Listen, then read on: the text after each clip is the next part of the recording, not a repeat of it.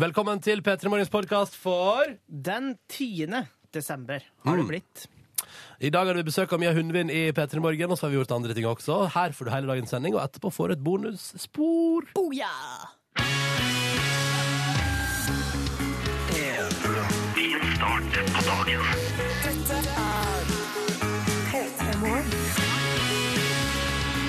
God mandag, god mandag, og velkommen til P3 Morgen, morgenprogrammet til NRK P3. Jeg heter Ronny og ønsker deg en deilig dag. God morgen, god morgen. Silje Nordnes Yeah, god morgen! og Yngve Ustad Reite. I dag tidlig var jeg altså så trøtt eh, da jeg, Det høres ut som begynnelsen på en vits. Ja. I dag tidlig var jeg så trøtt at Og så Ja. kommer det et eller annet. ikke sant? Men i dag tidlig var jeg faktisk så trøtt at jeg eh, et sekund der hadde altså tatt på meg. Fordi jeg var ganske sånn rot gjennom sok sokkeskuffa mi. Ja. eh, og var altså så lite til stede inni mitt eget hode at eh, på et tidspunkt satt jeg der på sengekanten og hadde tatt på meg ankelsokker. Sommerantrekket ankelsokker. Nei, nei, nei, nei, Søte, nei. eh, små, tynne, tynneste jeg har. Ja. Straight out of Syden, liksom. Satt jeg der med ankelsokker på beina, og så tenkte jeg at det var noe som var galt, men jeg skjønte ikke hva. Jeg skjønte ikke hva som var problemet. Så skulle de liksom ned i sånne litt kalde vintersko. Ja, det var veldig rare greier. Men da fikk du dem av deg fort eh, som svint. Ja, det gjorde jeg. det gjorde jeg. Og så har jeg fått på meg et par eh, fortsatt tynne, men denne gangen kledd i ullsokker. Ja, lurt. Oh yes, oh yes. Så jeg er Perfekt. klar for en ny dag. Jeg er, eller jeg er litt kald på beina, faktisk. Sjøl er jeg, ikke, jeg er ikke trøtt i dag. Jeg er ikke sånn som man kan være, fordi jeg har jo fått klokka inn seks og en halv time. Skal ikke være midnattsmandag, Skal ikke være Bra, Silje. Ja, det er så godt. Um, og så sto jeg opp litt ekstra tidlig, sånn at idet jeg var ferdig på badet, så gikk jeg, satt jeg klokka, sånn som jeg bruker å gjøre av og til, satt klokka på nedtelling tre minutter, gikk jeg og la meg igjen. Det var ganske godt. Hvor, altså, k- kan du få noe bra ut av de tre minutter ekstra der? Ja, det føles bra. Ja. Jeg vet ikke om det har noe å si, om det utgjør noe Det er forskjell. en såkalt powernap, da. Jeg vet ikke om jeg sovna engang, men jeg lå der og bare lukket igjen øynene og, og hvila litt. Mm. Ja, det der farlige greiene der kan jeg ikke drive med, Fordi da blir det ikke tre minutter, da blir det 20. Og da er jeg fucked. Ja. Såkalt fucked. Velkommen skal du være til P3 Morgen. Vi vil gjerne høre fra deg som også er oppe tidlig tidlig på en mandag. Kodeordet P3, nummeret er 1987. Og vi elsker å høre fra deg! Så det er bare å hive seg på. Og så starter vi dagens P3 Morgen to minutter over halv sju med musikk fra Keisers Orkestra. Dette her er 1000 dråper regn. God mandag morgen. Til deg. Tusen dråper regn, Keisers Orkestra på NRK P3 når klokka nå bikker seks minutter over halv sju. Riktig god morgen. Jørn, nei, Jan, beklager, eh, fullfører på en måte samme setninga som meg i dag. Eh, God morgen. Var så trøtt i dag morges at jeg vimser meg ut i bilen i bare T-skjorta i fem minus, og så står det her godt eh, med kalde Åh, skinnseter. gud. bo. Og så Må ikke skriver gjøre Bernie her noe av det samme, eller han har gjort noe av det samme som deg, Ronny, for du tok på deg ankelsokker i dag morges ved, en, ved en feil. Eh, Bernie her skriver at han gjorde det samme som deg i går, eh, men tenkte what the heck, det går nok bra. Ja. Kjørte ut et par timer etterpå og måtte vasse i halvmeter med snø Digg. i ankelsokker. Eh, det høres så sinnssykt kaldt ut, jeg har ikke lyst til å tenke på det engang. Det- Og der vet du, også detter litt snø ned i skoa, ikke sant? Og det forsvinner ikke, bare legger seg rundt anklene dine. Nei, guri, uff, jeg har på meg strømpebukse. Ja, ja, ja.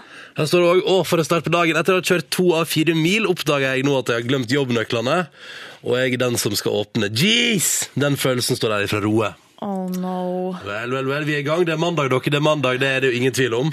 For en herlig dag. Det er til og med en her kranføreren som har skrevet 'Gud som jeg hater mandager' med capslock. Men dere, jeg tror det kan jo bli en bra dag det her uansett. Det er noen som er sånn hei, og ha en riktig og god og kald morgen, smilefjes og minus åtte grader, hatt ei koselig helg som ble toppa med julemiddag hos den fineste prinsessa, smil, smil, smil. Det er klumpen da som bare bringer po- optimismen Ja, inn det var i voldsomt optimisme òg. Ja. Og tømrer Daniel han er fornøyd. Han skriver at det er bare minus ni i dag. Nei, bare minus ti, og så er det parentes Syden, parentes slutt. Og tømrer Daniel har gjort ferdig nytt eh, bad i helga, og har sendt oss bilder av det nye badet sitt, og det ser fresht ut. Ser veldig fresht ut. Oh yes, der er noe sånn downlights. Jeg skjønner at det er downlights i taket. Og så har Tom André skrevet her eh, Hei, god morgen, Hei, god morgen!» P3-venner. Er alle julegavene i boks? Bare to uker til jul. Og så skriver han at han jeg har ikke kjøpt en eneste en, eh, men god mandag, da. Jeg har ikke kjøpt en eneste en. Jeg har kjøpt eh, jeg har noen greier liggende sånn fra i sommer, faktisk, som Hæ? jeg kjøpte. Jo, jo, som jeg, når jeg prøvde å leve etter den regelen at ser du noe som du tenker sånn Ja, det passer til den og den personen, så må man kjøpe det med en gang.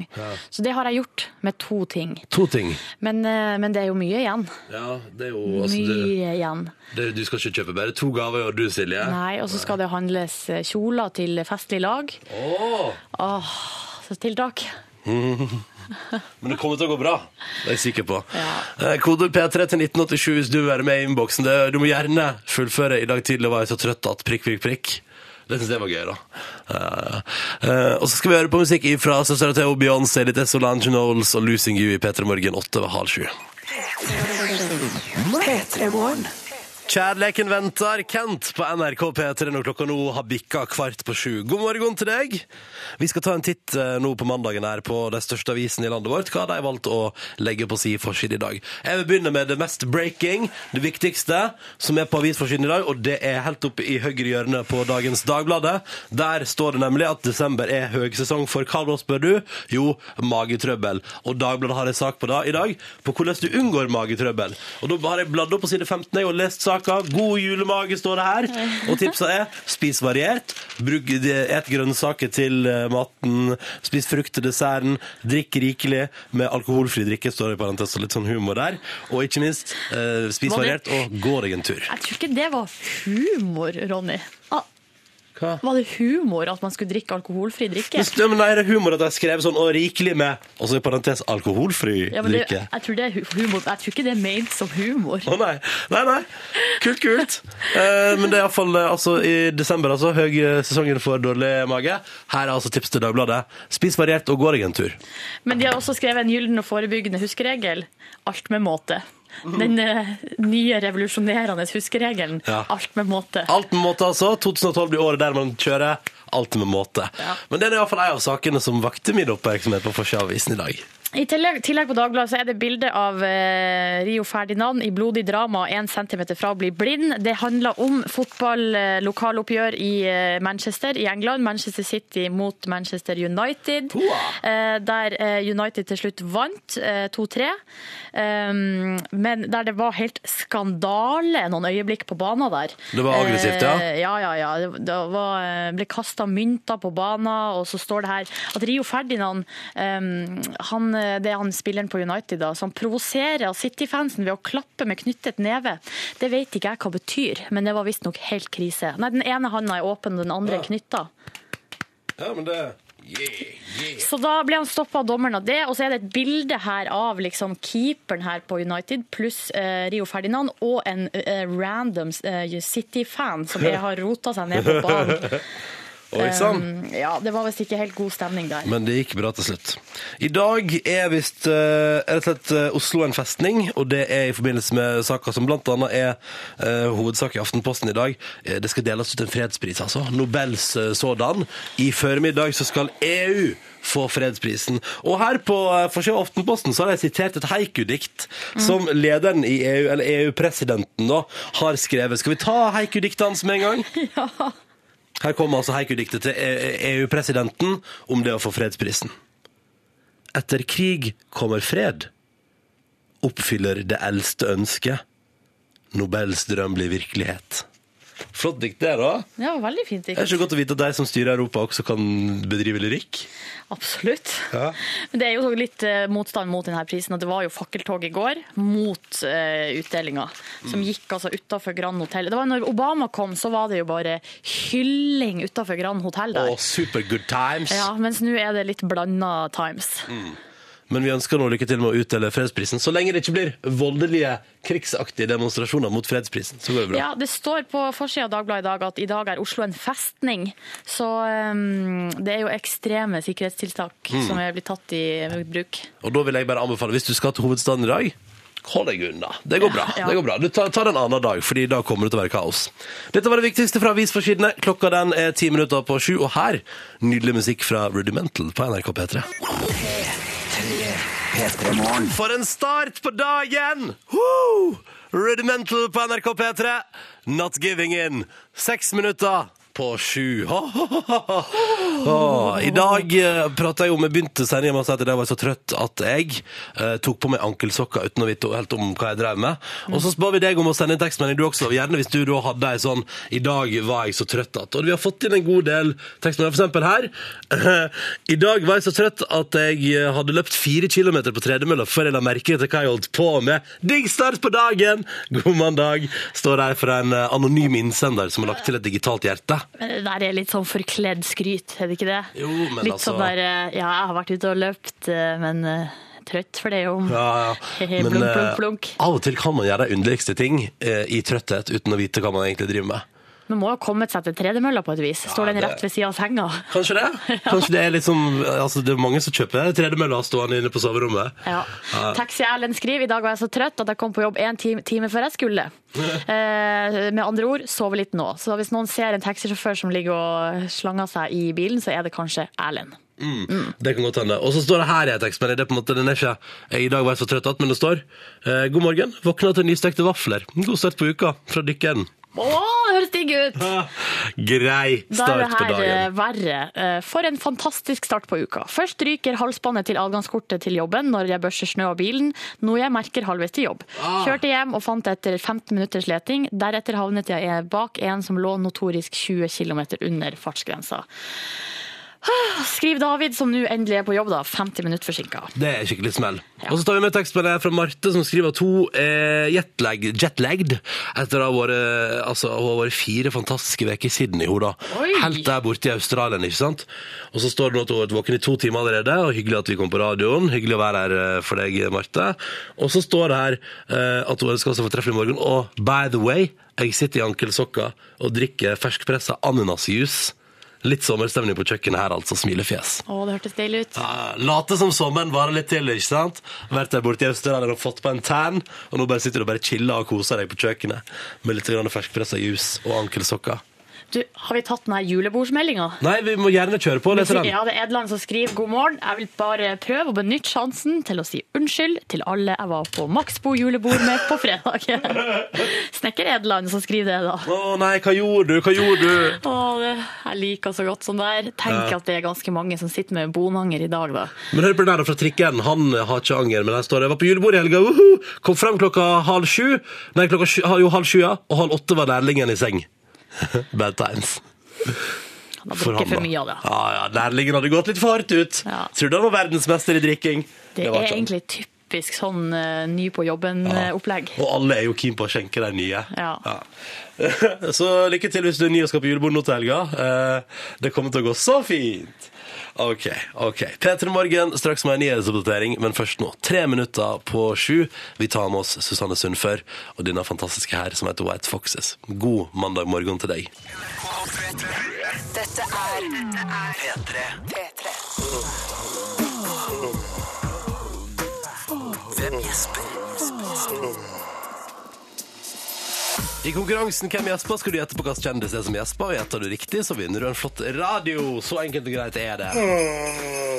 Dette er lyden av kjendisen som gjesper for tida. Der uten julebjelle. En gang til uten julebjelle. Mm, og så har vi noen hint. Yngve styrer deg. Yes, det her er altså en eh, person, ja selvfølgelig en kjendis, uten bart. Ikke politiker, ikke komiker, men det er en nokså festlig type. Og ikke programleder, men han kunne kanskje ha vært det. Kunne Eh, kanskje vært det. Ja. Eh, de som har blitt gjetta på hittil, er Truls Svendsen, Bare Egil, eller Egil Hegerberg, da. Espen Eckbo og Jan Fredrik Karlsen. Vi har med oss Tommy. God morgen. God morgen, morgen. Du ringer oss fra Verdal. Hvordan er Verdal i dag? Fint. Kaldt. Fint, fint og kaldt. Hva driver du med, Tommy? Jeg jobber som snekker. Ah, OK, OK. Og hvordan er tilværelsen som snekker i desemberkulda? Er du utendørs? Jepp, det er kaldt. Det er kaldt. Hva kler du på deg? Eh, alt jeg har. Det tror jeg på. Hva gjorde du i helga, Tommy? Ingenting, bare rolig. Rolig, ja. Det er såkalt chill out weekend. Yeah. Hva skjer med julebord da i år? Eh, det blir på nyåret. Å ja. Ta det etter nyttår. nyttårsbord. Mm. Yes. Men hvorfor ikke? Altså, Julestria er travel nok som den er. Har du kjøpt alle julegavene, Tommy? Nei, jeg har kjøpt eh, fire på cdon.com. Ok. Enkelt og greit. Hvorfor ikke internett i framtida? Ja. Hva var det du gikk eh, Det kan du kanskje ikke si. Eh, er, det, er, det vi liksom, er vi, på, vi er ikke på CD-plate i 2012, er vi det?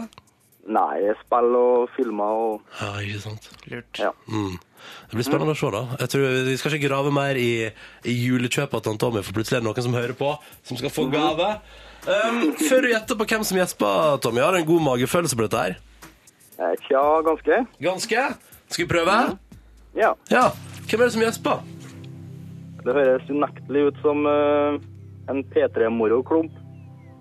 Hvem da? Uh, Olli Wermskog, kanskje? Du går for Oliver Wermskog. Du går for Oliver Wermskog.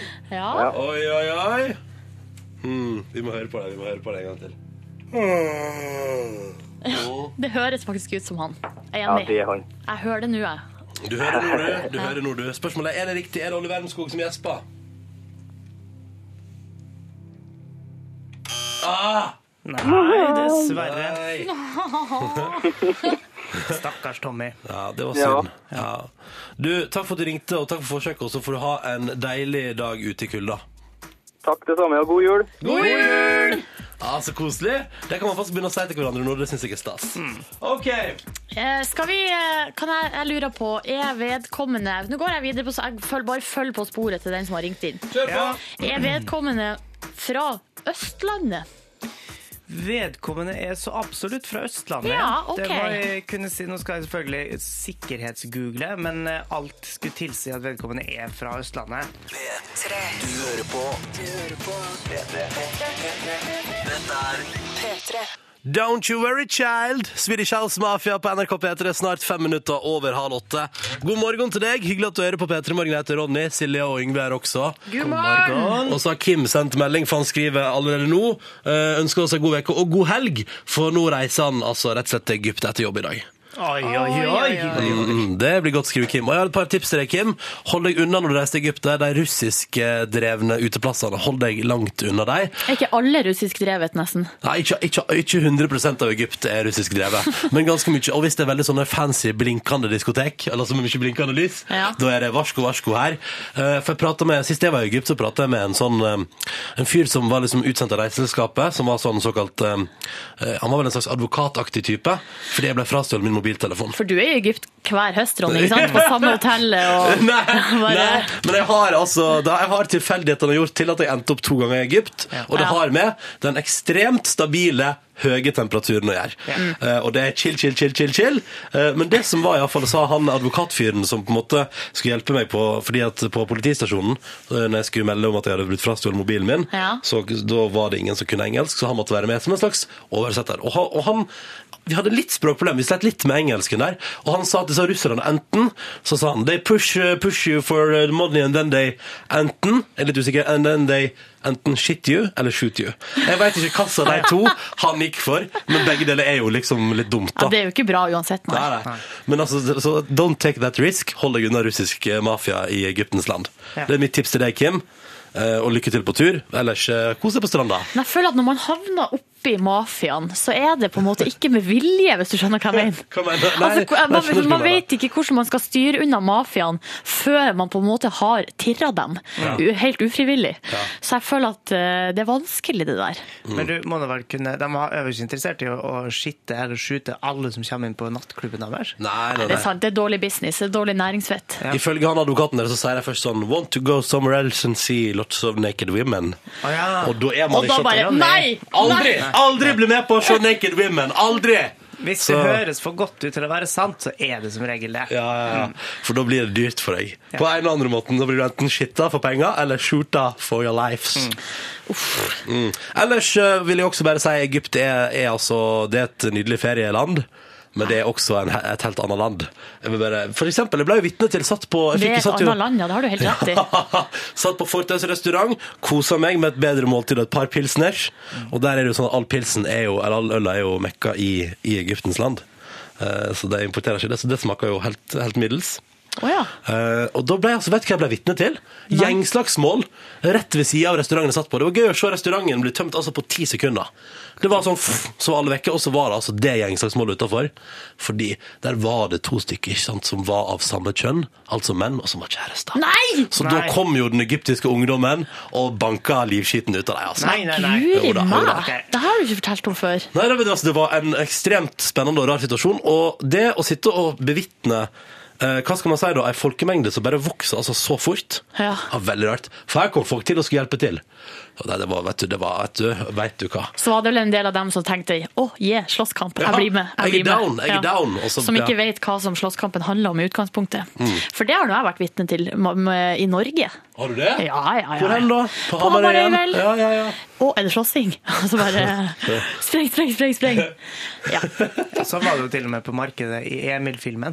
ja ikke Ja, sant? det, det skal man aldri glemme. Til og med i småhult i Sverige var det sånn.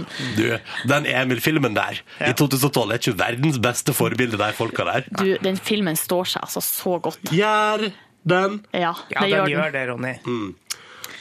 Ja, ja, og om litt så blir det julekalender. Yes.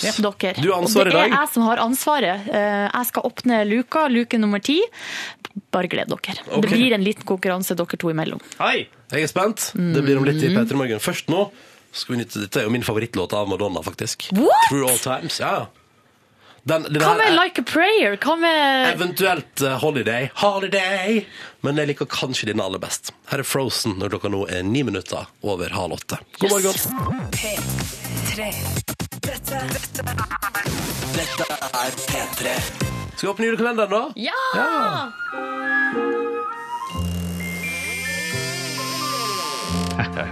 Det er bare lekkert. Og i dag i luke ti er det jo Silje som har ansvaret for P3 Morgens julekalender. Ja, velkommen hit til julekalenderen, luke nummer ti.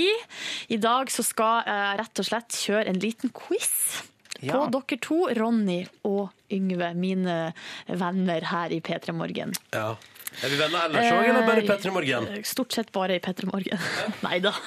Og det er altså en litt informativ quiz. Her kan vi lære noe om et kjent julefenomen. Ja. Eh, Og jeg ble jo så inspirert av eh, forrige luke som jeg åpna, der dere to gjenskapte en eh, filmscene, Ja. at denne quizen skal rett og slett handle om Reisen til julestjernen. Oi! Ja! Vi går rett på spørsmål én. Dere må bare rope ut, eh, rope ut eh, Navnet vårt. Ok. Eller Nei, dere, svaret. begge to skal få lov å svare. Så Ja, ok. dere trenger ikke å rope i det hele tatt. OK. Spørsmål 1. Filmen hadde premiere i desember 1976, men på hvilken kino? A. På Fram kino i Bodø. B. På Aurora kino i Tromsø. Eller C. På Klingenberg kino i Oslo. Den hadde Yngve? eh, premiere på Klingeberg kino i Oslo. Er det, di- ja, det er ditt svar. Ronny? Mm, jeg har egentlig lyst til å si at det er et lurespørsmål at den hadde premiere på alle tre, men jeg går også for Klingenberg kino i Oslo. Det er selvfølgelig helt riktig! Det er ett poeng til hver. Så- Så Utrolig raust. vi går videre Du, til er, spørsmål er 2. Fram kino og Aurora kino de eneste kinoene du veit om, bortsett fra Ja, det stemmer. Ok. Um, og så bygde kinoen på Hamsunsenteret, da. Ja. Må aldri glemme det. Eh, videre, spørsmål to. Hva var den største krisa under innspillinga av denne filmen? Var det A. Hanne Krogh slo seg vrang fordi det ble servert feil julebrus på settet. Hun ville helst hatt den røde fra Mac med kirsebærsmak. Kjempebra, Silje. Eller Mac. Eh, B. Flere dyr, to hester og et reinsdyr døde under innspilling. Eller C. Total mangel på snø. Se total mangel på snø. Se, total mangel på snø. Det er selvfølgelig riktig! Eh, Det var ingen dyr som døde, og eh, cateringservicen var helt OK. Det var- Nei, Så vidt jeg det kan vet du huske, ikke. Så var det ingen reinsdyr med i Reinsdyr Julestjernen heller? Nissen Jo, er jo med jo, en jo. hvit hest. Ja, ja. ja. Ja, ja. Ok, Spørsmål tre. Reisen til julestjernen gjorde at filmens stjerne Hanne Krogh måtte gi avkall på noe. Hva var dette? A. Drømmen om å vinne Grand Prix.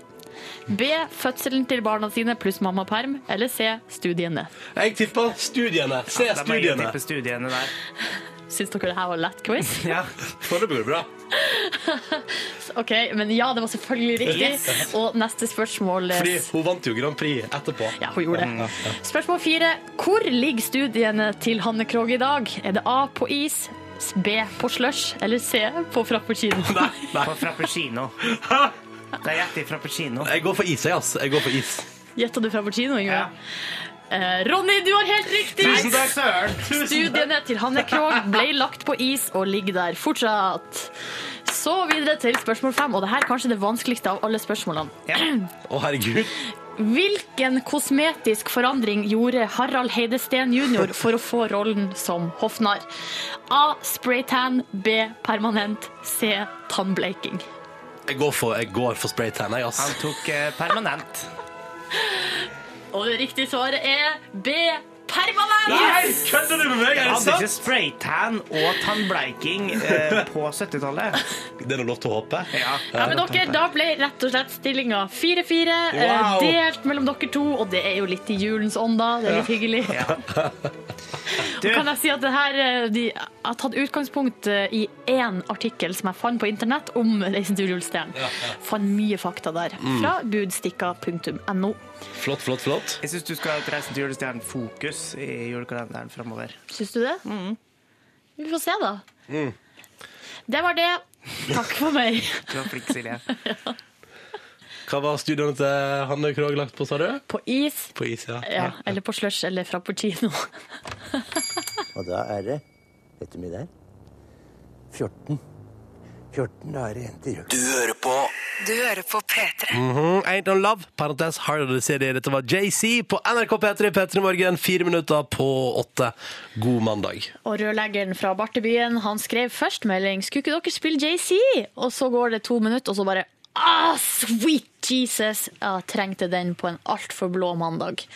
Når, vi da fikk, en- når vi endelig fikk JC, da. Endelig fikk JC, da. Vi får snart andre ting også. Vi får besøk av hvem, Silje? Vi får besøk av Nå er det jo håndball-EM. Eh, og da får vi, I den anledning så får vi besøk av håndballekspert på VGTV og tidligere håndballspiller Mia Hundvin. Kommer på besøk. Og hun, da kom det jo også en nyhet eh, like før helga at hun skal være med på Marte Stokstad sitt nye lørdagsprogram eh, som heter De nominerte. Så må vi snakke litt om det Mm. Vi òg. må snakke litt om det òg. Kanskje mest om håndball. Ja, Vi snakker mest om håndball. Det blir logisk, det. Hvis du har spørsmål til Mia Hundvin, send det inn. Kodeordet P3, og nummeret det er 1987. Straks en nyhetsoppdatering på NRK P3, men først straks to minutter på åtte. Vi drar med oss noe Gaslight Anthem.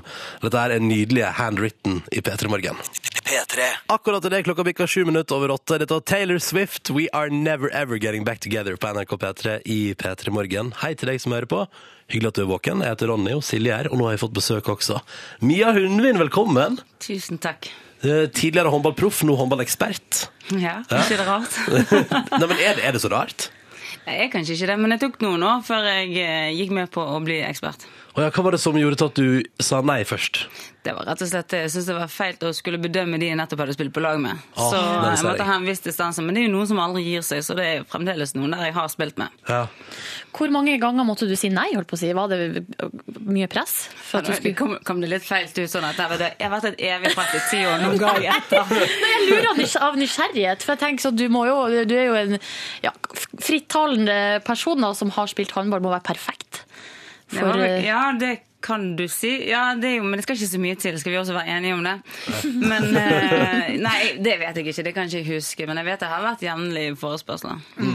Og nå er du også på VGTV og er ekspert der. Mm. Eh, og vi kan vel bare begynne der, egentlig. Hvordan går nå håndball-EM 2012? Nei, Da er vi tilbake igjen til at eh, historien gjentar seg, håper vi. De spiller dårlig, har ikke spilt eh, opp mot eh, det de kan. Og så forventer vi eh, Eller vi venter på at det skal løsne i dag mot Frankrike. Å ja. Tror du at det løsner deg mot Frankrike?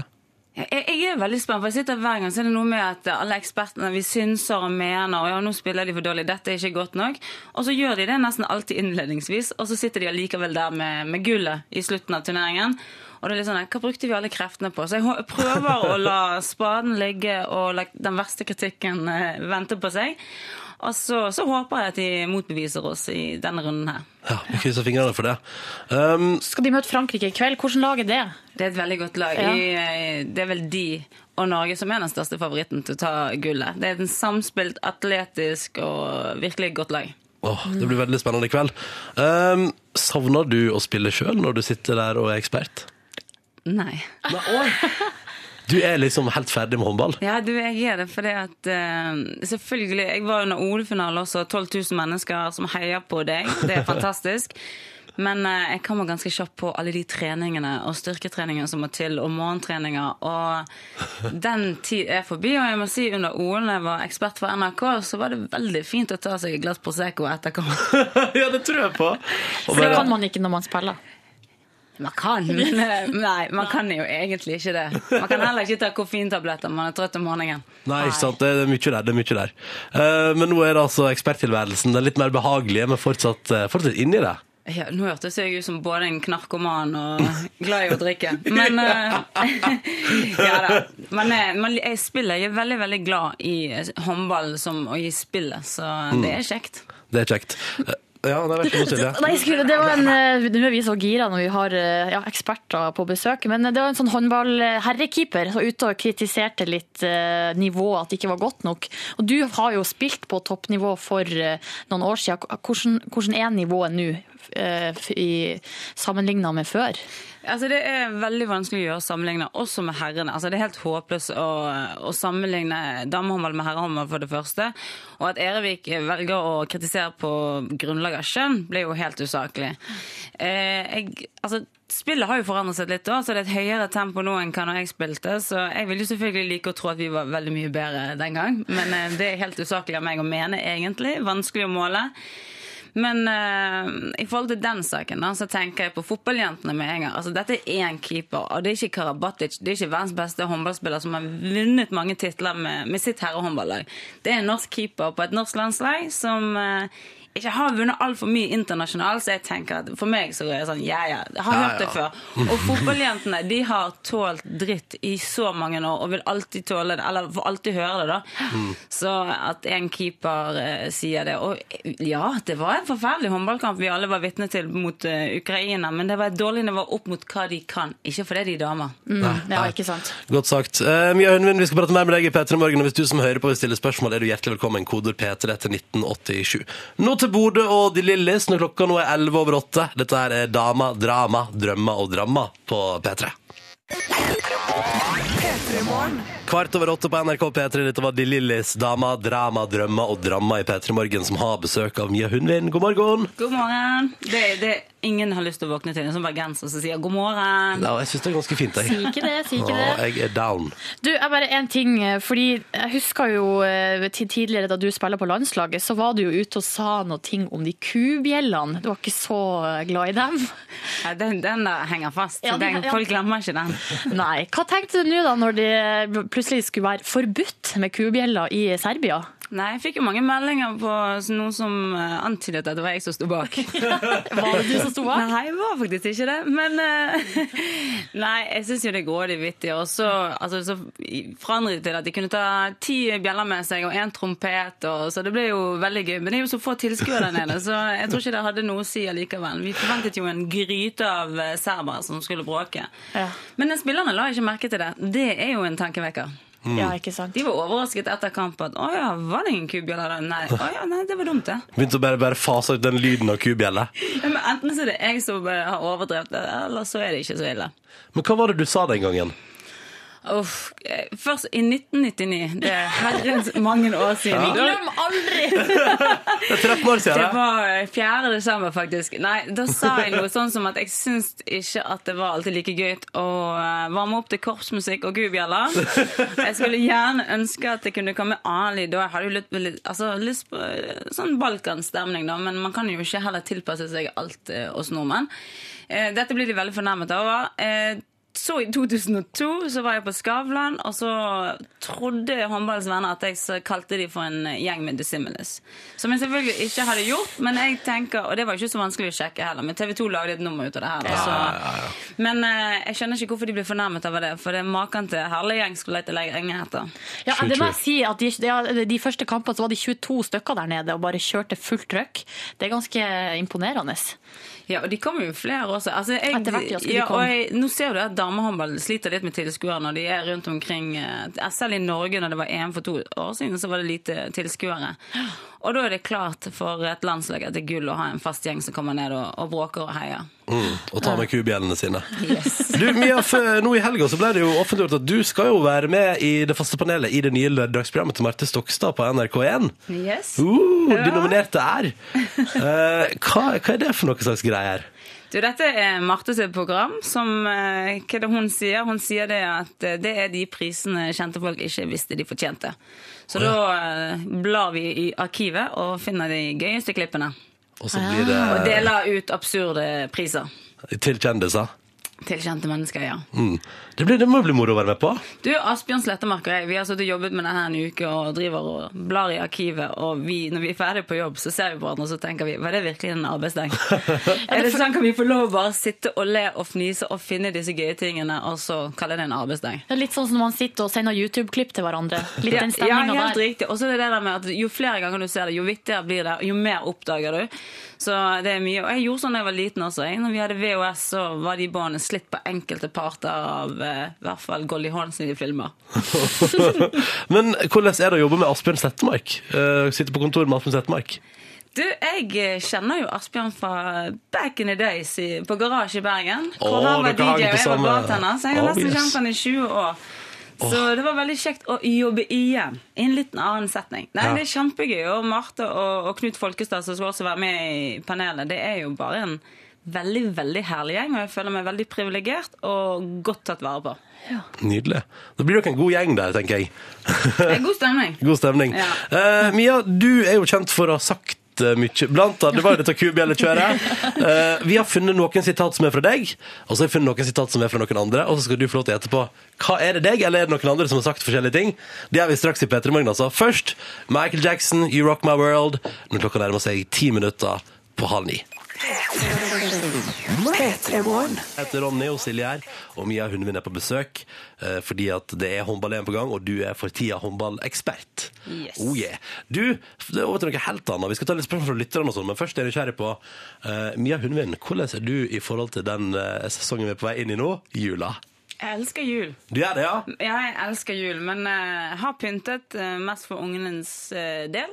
Å, Altså, ikke så mye for deg sjøl. Hva er det du har for har du- Er julestjerna oppå Jeg løy. Adventsstjerna. Det er for meg også. for deg. Julestjerna oppe, nissen er framme, adventlysene er på. Det er et stearinlys hver morgen.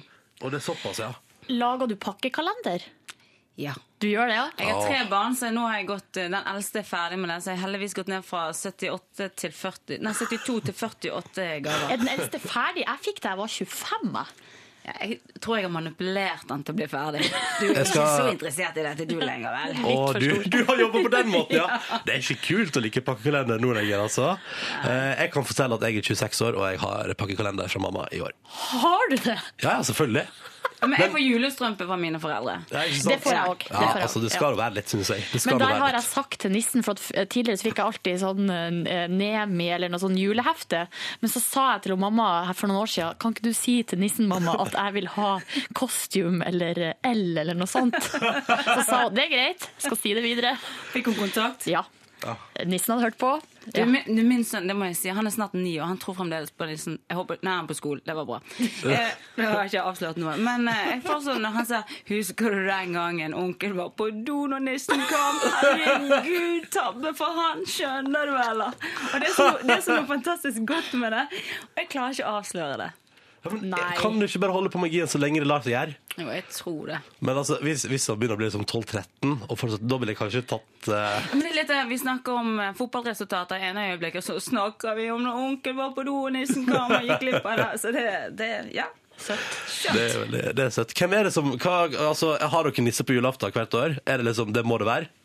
Vi er hvert tredje år på Hawaii, så da, der kommer han ikke. Der er han litt busy for å komme. Å, ja, Ja. ja. Nissen kommer ikke til å ha vei. Han kommer ikke til Hawaii, men han kommer på taket, da, så vi setter fram cookies and milk. Cookies and milk til nissen, ja. Det er nice. Du, vi må ta et Ja. spørsmål i hvert fall fra lytterne våre. Så Amex her lurer på, han skriver yo yo sexy Mia, lurer på hvordan dansken din er nå. Skidegod. Skriver god. Riktig deilig. Nei, god morgen. Hva lever du?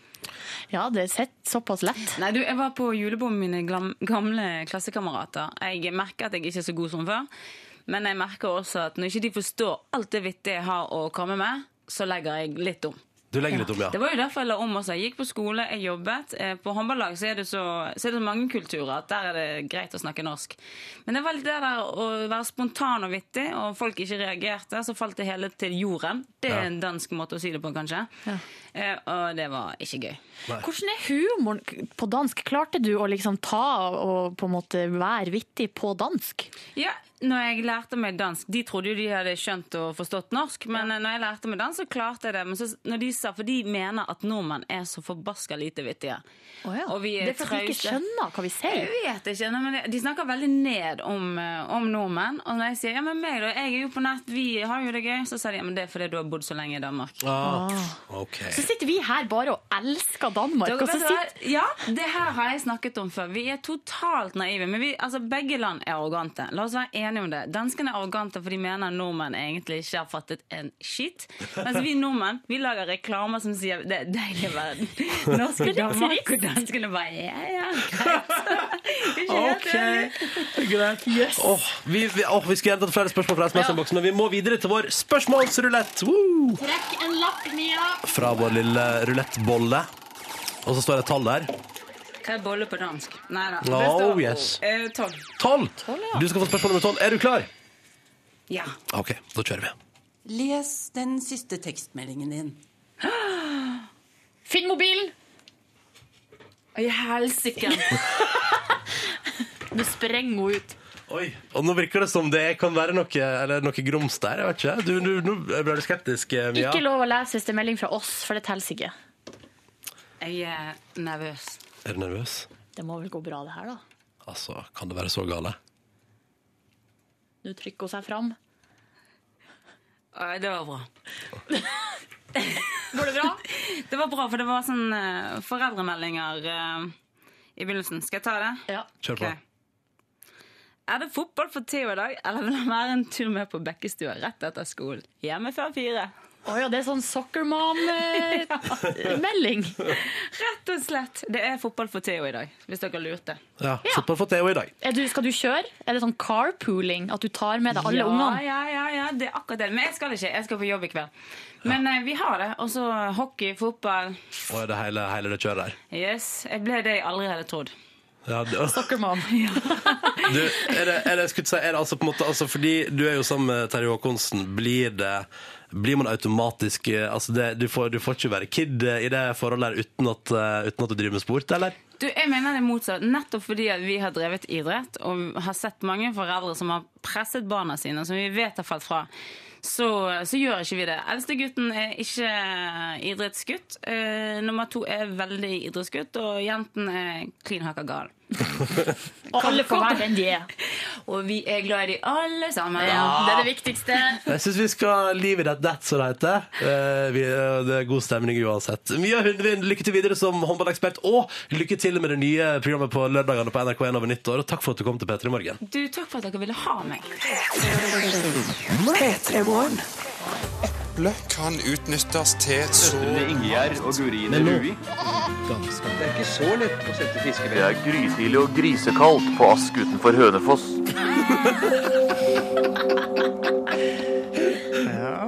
Hva er det kjenningsmelodien til? Det er først er det Dagsrevyen, og så er det Nei, nei, nei, Norge nei. Rundt. Hva- hva- hva er det vi og så skal til med nå? Det er ukas overskrifter. Det hørte du vel? Nei, jeg skjønte det. Jeg, jeg visste det. Ja. Eh. Ukas overskrifter, der, der, der summerer jeg opp de eh, overskriftene vi nettopp har eh, lest oss igjennom i forrige uke, altså uke 49. Ja. er klar for en ny nyhetsuke, og alle som vil kan selvfølgelig bidra til den spalta her ved å gå inn på p3.no p3morgen og trykke på skrattebilder med. Da kan man sende inn hvis man har lest noe morsomt i en avis eller eh, nettavis. da. Eh, jeg skal gå gjennom noen boblere, for det er noen ting som ikke når helt opp. Og så er det også noen som jeg oppdager litt for seint, men som er litt for god til bare å la ligge. For eksempel eh, en utgått bobler. Urinerte og drakk seg inn i adventstiden. Holdt hodet iskaldt under elgevill redningsaksjon. Dere kan jo bare- Elgevill! Prøv å gjette hva Elgevill! dere redda, da. Har elgen gått på ø, isen? Ja, han gikk Gjennom. gjennom isen. Ja. Mm. lukka døra på ulovlig måte. OK.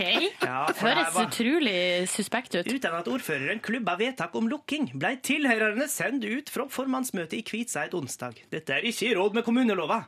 vedtak om herregud. lukking skal røystast over og vedtakast. og Dette skal bli gjort for åpne dører. Det er offentlig ekspert Gunnar Bodal Johansen som sier til VTB. Kjedeligste saken jeg har hørt. Ja, det var veldig tørt. Da avrunder vi boblerne med 'Heller pudding enn porno'. Det her er eh, en oppskriftsbok som danka ut 'Fifty Shades of Grey'. Å ja, ja, selvfølgelig. Mm. Vi må til topp tre-lista, altså de fineste overskriftene som ble eh, publisert i uke 49. Bieber-tilstander da julenissen dukka opp på Støren. Og her kom han med gavedryss og, og le- leverte ut, og ungdommene gikk eh, fra vettet. Ble det unntakstilstand, og de ødela biler for flere hundre tusen kroner? Åpenbart, ettersom det står Bieber-tilstander. Hvor Så var det på er det jo det Støren? det ligger- Det her var på Støren, ja. I, ja det er Trønderbladet som skrev dette her. Oi, oi, oi. Klikka når julenissen kom, ja? Jepp. Mm. Andreplassen. Nå skal vi til Eidsvoll. OK. To. Låvetaket lo av fotografen. Laughing out loud på låvetak. Her er det en observant gutt som har sett at eh, snøen på låvetaket, den, eh, den staver LOL. Nei! Jo, så det står liksom den, eh, Tydelig står den ungdommelige hilsenen LOL, laughing out loud. Det er Kim Erik som har knipsa dette her, og Ja. der låvetaket gjorde litt narr av han, da, kanskje. Oh, yes. Men vi til førsteplassen, da skal vi til Namdal. Nummer én. En tiurskit av ei rundkjøring.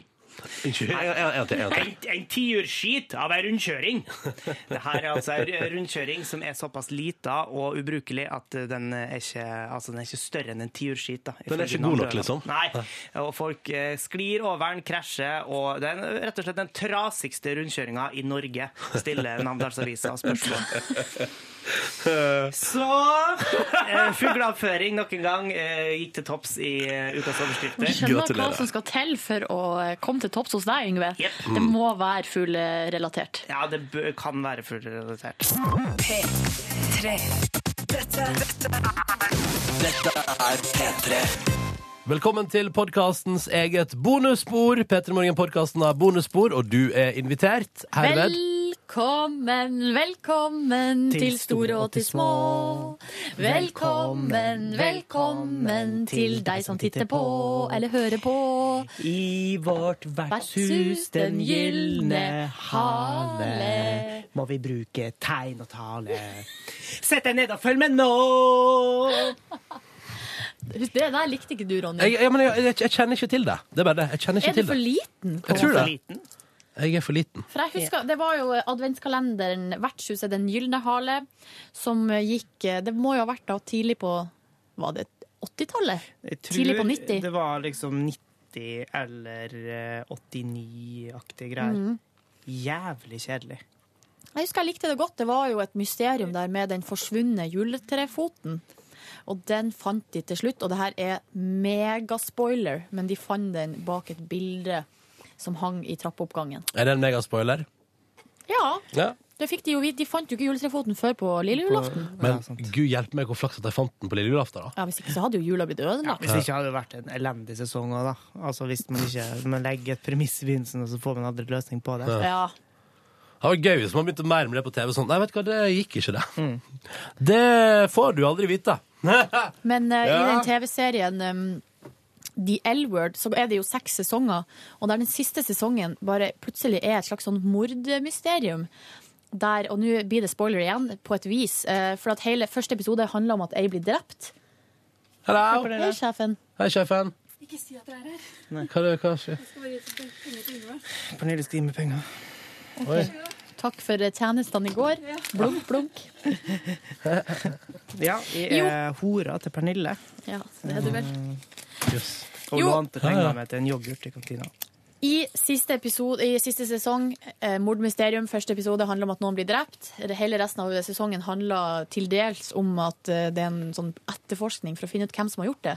Og så kommer vi til siste episode, og så får man faen ikke svaret på Nei, er det sant? Og så er det serien ferdig. Slutt. Finito. Det Er blir du aldri sikker? noe mer. Er du sikker på at ikke- du bare ikke har fått med deg slutten? Ja, jeg er sikker. Skyfall, det store ankepunktet ved den filmen. Hehe, skal jeg si det? Nei. Den er for fersk. Ja vel. Sett den? Nei. Men er det noe uforløst på slutten? Jeg har ikke sett den. Eh, ja. Men da blir det jo oppfølger, da. Er ikke Skyfall det som eh, s- liksom filmen Det er liksom det som skjer før alt det andre? Eller har jeg misforstått? Altså, det der er jo helt umulig å si med James Bond, ettersom hvis man skal si det, så må det jo, da må jo det som skjer nå, ha blitt lagt til liksom 50-tallet. Og sånn sett, ja. Ja. OK. Det er jo Ja, bare ja. en karakter. Liker du James Bond, eh, Ronny? Har ikke noe sånn særlig forhold til James Bond, altså. Jeg liker James Bond veldig godt, men Jeg bare- det er jo men ikke jeg- jeg vet nødvendigvis eh, at f- filmene er liksom ikke Jeg syns det er en annen type film. Så jeg, jeg liker dem, men det er jo ikke alltid så veldig troverdig. Men Nei. jeg synes Nei, det Skyfall er var jo litt ikke- sånn- den skulle liksom være troverdig, og så Ja, den var jo for så vidt troverdig, da, men, eh, men eh, jeg synes historien faktisk ikke var så veldig sånn Et par ting de burde ha gjort litt annerledes. synes Jeg drømmer jo om å være spion, så derfor så liker jeg det godt. Mm. Det er jo en fantastisk kul film å se på. Den driver og slåss inn i det der glasshuset og jeg har ikke den sett det. åpningsscenen liksom. i Istanbul og sånn. Dere må gå og se den. Ja, jeg skal vurdere, jeg skal, men kanskje det blir en DVD-titting for meg, da. I morgen kommer jo eh, filmen Ted på leie på amerikansk iTunes, og den skal jeg kose meg med denne veka her. Ja. Eh, den jeg ligger utenom, men jeg bare til kjøp. Jeg kjøper ikke. jeg betaler ikke kjøpepris for filmer på internett. Altså, Å det gjør kjøpe, jeg ikke. kjøpe, det er en sjukdom. Eh, Vertshuset Den gylne hale gikk første gang på NRK i 1989. Ja. Og så en gang til i 1994. Ja. Sånn. Men da var Ronny plutselig blitt for Nei, gammel. da, men eller? vet du, vet du hva, Jeg husker 1994. Vet dere hva som òg gikk samtidig da? Å, det er eh. julekalender! Nettopp, nettopp. Tar to Gikk det på samme tidspunkt? Ja, det gikk på samme tidspunkt. Og det kan forklare hvorfor jeg da har fått med meg eh, julekalender, og ikke Vertshuset Den gylne hælø. Anyway, det satt en var- bra helg her, og har vi- hvis dere eh, lurer, er nysgjerrig. Ja, hvordan Jeg bare har sier, det gått? eh, bare sånn disclaimer på starten her, to ting. En, eh, bli med på julefrokosten vår, da vel. 21. desember, fredag. Eh, det er i store studio på NRK. Du, det blir enkel frokost, det blir pepperkaker, det blir gløgg, Mm. og det blir et show. Clementin. Mhm. Så kom på det, da. Meld deg på på p3.no skråstrek p3 morgen. Og det er førstemann til mølla-prinsippet som gjelder. Og den mølla begynner å fylles opp, men det er fortsatt plass. Ja, vi vil gjerne se deg, du Mm. som eh, er Mm. Og spesielt, og spesielt du som hører podkasten vår. Det har vi jo ekstra lyst til at skal komme, fordi du er jo på en måte en Aktiv. Du Mm. går inn for det, liksom, Mm. og, og Eh, bruker eh, Laster oss ned, liksom. Tellerskritt, holdt jeg på å si. Ja. Så det- Altså, Og så vil vi jo at du skal se på oss. Vi er jo Og så vil vi se på deg. oppmerksomhetssjuke folk. Og så er det ting nummer to. Den konkurransen gående, den utvider vi til i morgen, for vi har ikke tid til å trekke den i dag fordi vi skal på seminar og P3 Morgens eget lille julebord. Og Mm. Det viktigste er, for at det er i utgangs... Først og fremst skal vi på evaluering Ja. og seminar. Det er det vi Ja. skal gjøre. Så blir det middag etterpå. Kan vi si hvem vi skal bli evaluert av? Det syns jeg godt vi kan gjøre. Og det er- Jens Stoltenberg tok kontakt med oss og sa sånn Jeg har så lyst til å evaluere P3 Morgen, Ja. kan jeg få lov til å Digger gjøre det? programmet, Eh, Vi møtes på Sagene lunsjbar eh, mandag Neida, 10. det er Nei, bare tull. eh, vi skal bli evaluert av Men det er jo nesten like kult som Jens Stoltenberg. Else Kåss Furuseth. Mm. Hun har sagt, og det er ikke kødd engang, at hun har lyst til å evaluere oss, og skal altså gjøre det i dag. Jeg syns det er skikkelig skummelt. jeg. Tok hun kontakt? Nei. Jeg tror hun har blitt forespurt, og så sa hun det har jeg lyst til. Nei, ifølge Batzer så var det en idé som Å kom eh, nei, jeg tror nok at hun har blitt spurt, ja. Tror du det? lyg ja. ofte. Ja. Skryter på Så seg nå, ikke- Batzeren. vet du. Gjør hun det? Ja, nei, nei da. Men eh, nei, det- jeg tror nok at eh, Elsa har blitt forespurt, og har, men syns det var en kjempeidé. OK. Ja. Så i Uansett, dag skal da. hun iallfall da bryte det programmet her ned, stein for stein, og så kanskje gi tilbakemeldinger så de kan bygge det opp igjen. Men det er ikke sikkert vi er her i morgen, da. At vi er Nei. helt nedbrutt. Kan hende at Går inn i vi, altså, depresjon. Jeg Kan tenker godt- Hvis hun hadde tenkt at hun ikke skal bryte ned programmet, men at hun bryter ned oss, altså at hun river oss fra hverandre. Det kan hende. Eh, Men også kan det hende at eh, ellers så kommer så mange gode poeng eh, om hvorfor programmet vårt er dårlig, at eh, Batzer tenker sånn Vi må legge det ned i dag. altså. Vi må legge det ned i dag. Ja. det er krise Mm. i dag. Jeg har hatt ei kjempefin helg. Vet dere hva jeg har gjort på? Nei, eller jo, det vet jeg, for du har sendt melding til meg eh, hele tida og spurt om jeg ville være med på det som du gjorde. Ja, fordi vi mangler Dette her er gøy. For på lørdag satt vi på en bar, og så var det altså da Følg med nå. En person født i 1987, 1986, 1985 og 1983. Ja. Og så tenkte jeg på hvem kjenner jeg som er født i 84. For du er født i 83, Yngve. Jeg er født i 83, Ja. stemmer det. Og da sendte jeg melding til Silje Nordnes, som på det tidspunktet var på et familieselskap i Lørenskog. Ja, Ja. Som jeg hadde sagt fra om dagen før. ja, men det husker, jeg husker jo ikke at du reiser i familieselskap. Jeg sendte på SMS til deg, vel. At du skulle i familieselskap? Ja. Mm, fikk ikke med meg. På Anyways. kvelden, når du var sånn «Æ, Bli med! Ja! Så bli med ut! Ja! Og så Ja! skrev jeg sånn nei. Og så bli med ut i morgen! Ja! Og da skrev jeg nei, jeg skal på familieselskap til Lørenskog. Og så kommer lørdagskvelden. Bli med ut? Ja, vi mangler en 84-årgang. Um, åh, er det, er vi, vi, det, vi må prate litt om din bestyrer i borettslag òg eh, etterpå. Men først, på fredag var jeg altså da på rakfisklaget dere. Ja! Å, hvordan gikk det? Først gikk jeg Jeg skulle på Sankthanshaugen i rakfisklag. Det er et område i Oslo Ja, en bydel, ja. som jeg ikke er så kjent i. Og jeg kan melde dere at jeg gikk av bussen og gikk ned den samme gata som jeg alltid går ned når jeg skal på besøk til Tommy. Men denne gangen skjedde det noe. Hva skjedde? Du har gått feil. Ja, Det er snakk om ei gatefeil, og det førte meg ut på en halvtimes tur rundt omkring på Sankthanshaugen i Oslo. Sankthanshaugen og Bislett er vanskelig å finne Ja, det vet du, det er så kaotisk. Så jeg vasa altså rundt, og det er seriøst. Jeg eh, sier meg uenig, da. men Seriøst, en halvtime. Jeg brukte en halvtime og vasa altså fram og tilbake rundt parken. Opp og ned. Og de satt og venta på meg. Og jeg måtte til slutt eh, si sånn Dere sitter vel ikke og venter på meg? Jo, det gjør vi. Bare begynn. Problemet er at altså, jeg har bodd, jeg har bodd der. Altså, jeg har Mm. bodd i Vestens gate, og eh, det- dama mi bodde i, oppi mm, den gata oppom. Hallo. Det er ikke så Glem viktig. det, ja. Det er Nei, ikke så viktig. eh, og så, eh, men det som er problemet der, er å forklare på telefon hvor du skal gå hen. Ja. Hvis- For at når man har bodd der litt, så kjenner man igjen gatene og, og navnene på gatene. Ja. Så klarer man liksom å, å navigere fint. Men å forklare for en person at nei, nei, Nordahl Bruns gate ligger nedom, altså nedom mot byen, eller nedover altså sør, ned mot Ja, det ikke sant, der. Parallelt, eller Det er det der. Ja, sant. Det er Uff. bare rot, vet du. Så jeg susa nå rundt der. eh, og, men jeg følte jeg ble godt kjent med det nabolaget. Og så var det, må jeg bare si, én ting. Eh, jeg ble jo traskende rundt i boligstrøk Mm. der veldig mange hadde pynta til jul. Og det falt eh, Var det snø. fint? Og det var iskaldt og kost. Så jeg ble rett og slett i skikkelig julestemning. Ja. Kom selvfølgelig altfor seint fram til det rakfisklaget. Det var synd. Gikk glipp av eh, Slapp å unnskylde meg så mye for at jeg ikke hadde rakfisk. Men var det noe mat til de som ikke liker rakfisk? Jeg kunne sikkert be- forsynt meg av tilbøret. Jeg valgte å forsyne meg av akevitten. Ronny, Men, jeg har eh, satt i gang sånn nedtelling på maskinen. Oi, Hvis du vi vil trykker ikke- vi vil ikke starte senere, på nytt. senere. Det vanlige er, syns nå jeg, da, når man har såpass kontroversiell mat som rakfisk, så må man ha et alternativ til de som ikke liker Men det. jeg hadde noe forsikret. Jeg hadde noe spist på forhånd. kjære Var det vene. bare du som ikke likte det, da? Ja, de andre var ganske på han. Eh, Ørjan Men det tror er jeg jo var litt et forsiktig i sin forsi- middagsselskap, liksom. Ja, Ørjan var litt forsiktig i sin rakfiskforsyning. Var tidlig ferdig å spise, da kan du si. Jeg smakte også på rakfisk i helga for første gang i mitt Oi, liv. oi, oi! Mm. Hvordan var det? Godt. Det smaka rømme og løk, så det var jo helt konge. Mhm. Ja, det, det er vel det det gjør. Smaker Mm. rømme og løk. Men jeg eh, får sitte med akevitten, jeg, da. Jeg følte at det var liksom det jeg tok, eh, tok eh, til meg av middagsorienterte eh, ting. Og så drakk jeg masse øl, og så var det veldig hyggelig stemning og litt sånn catching up. Hvordan går det egentlig?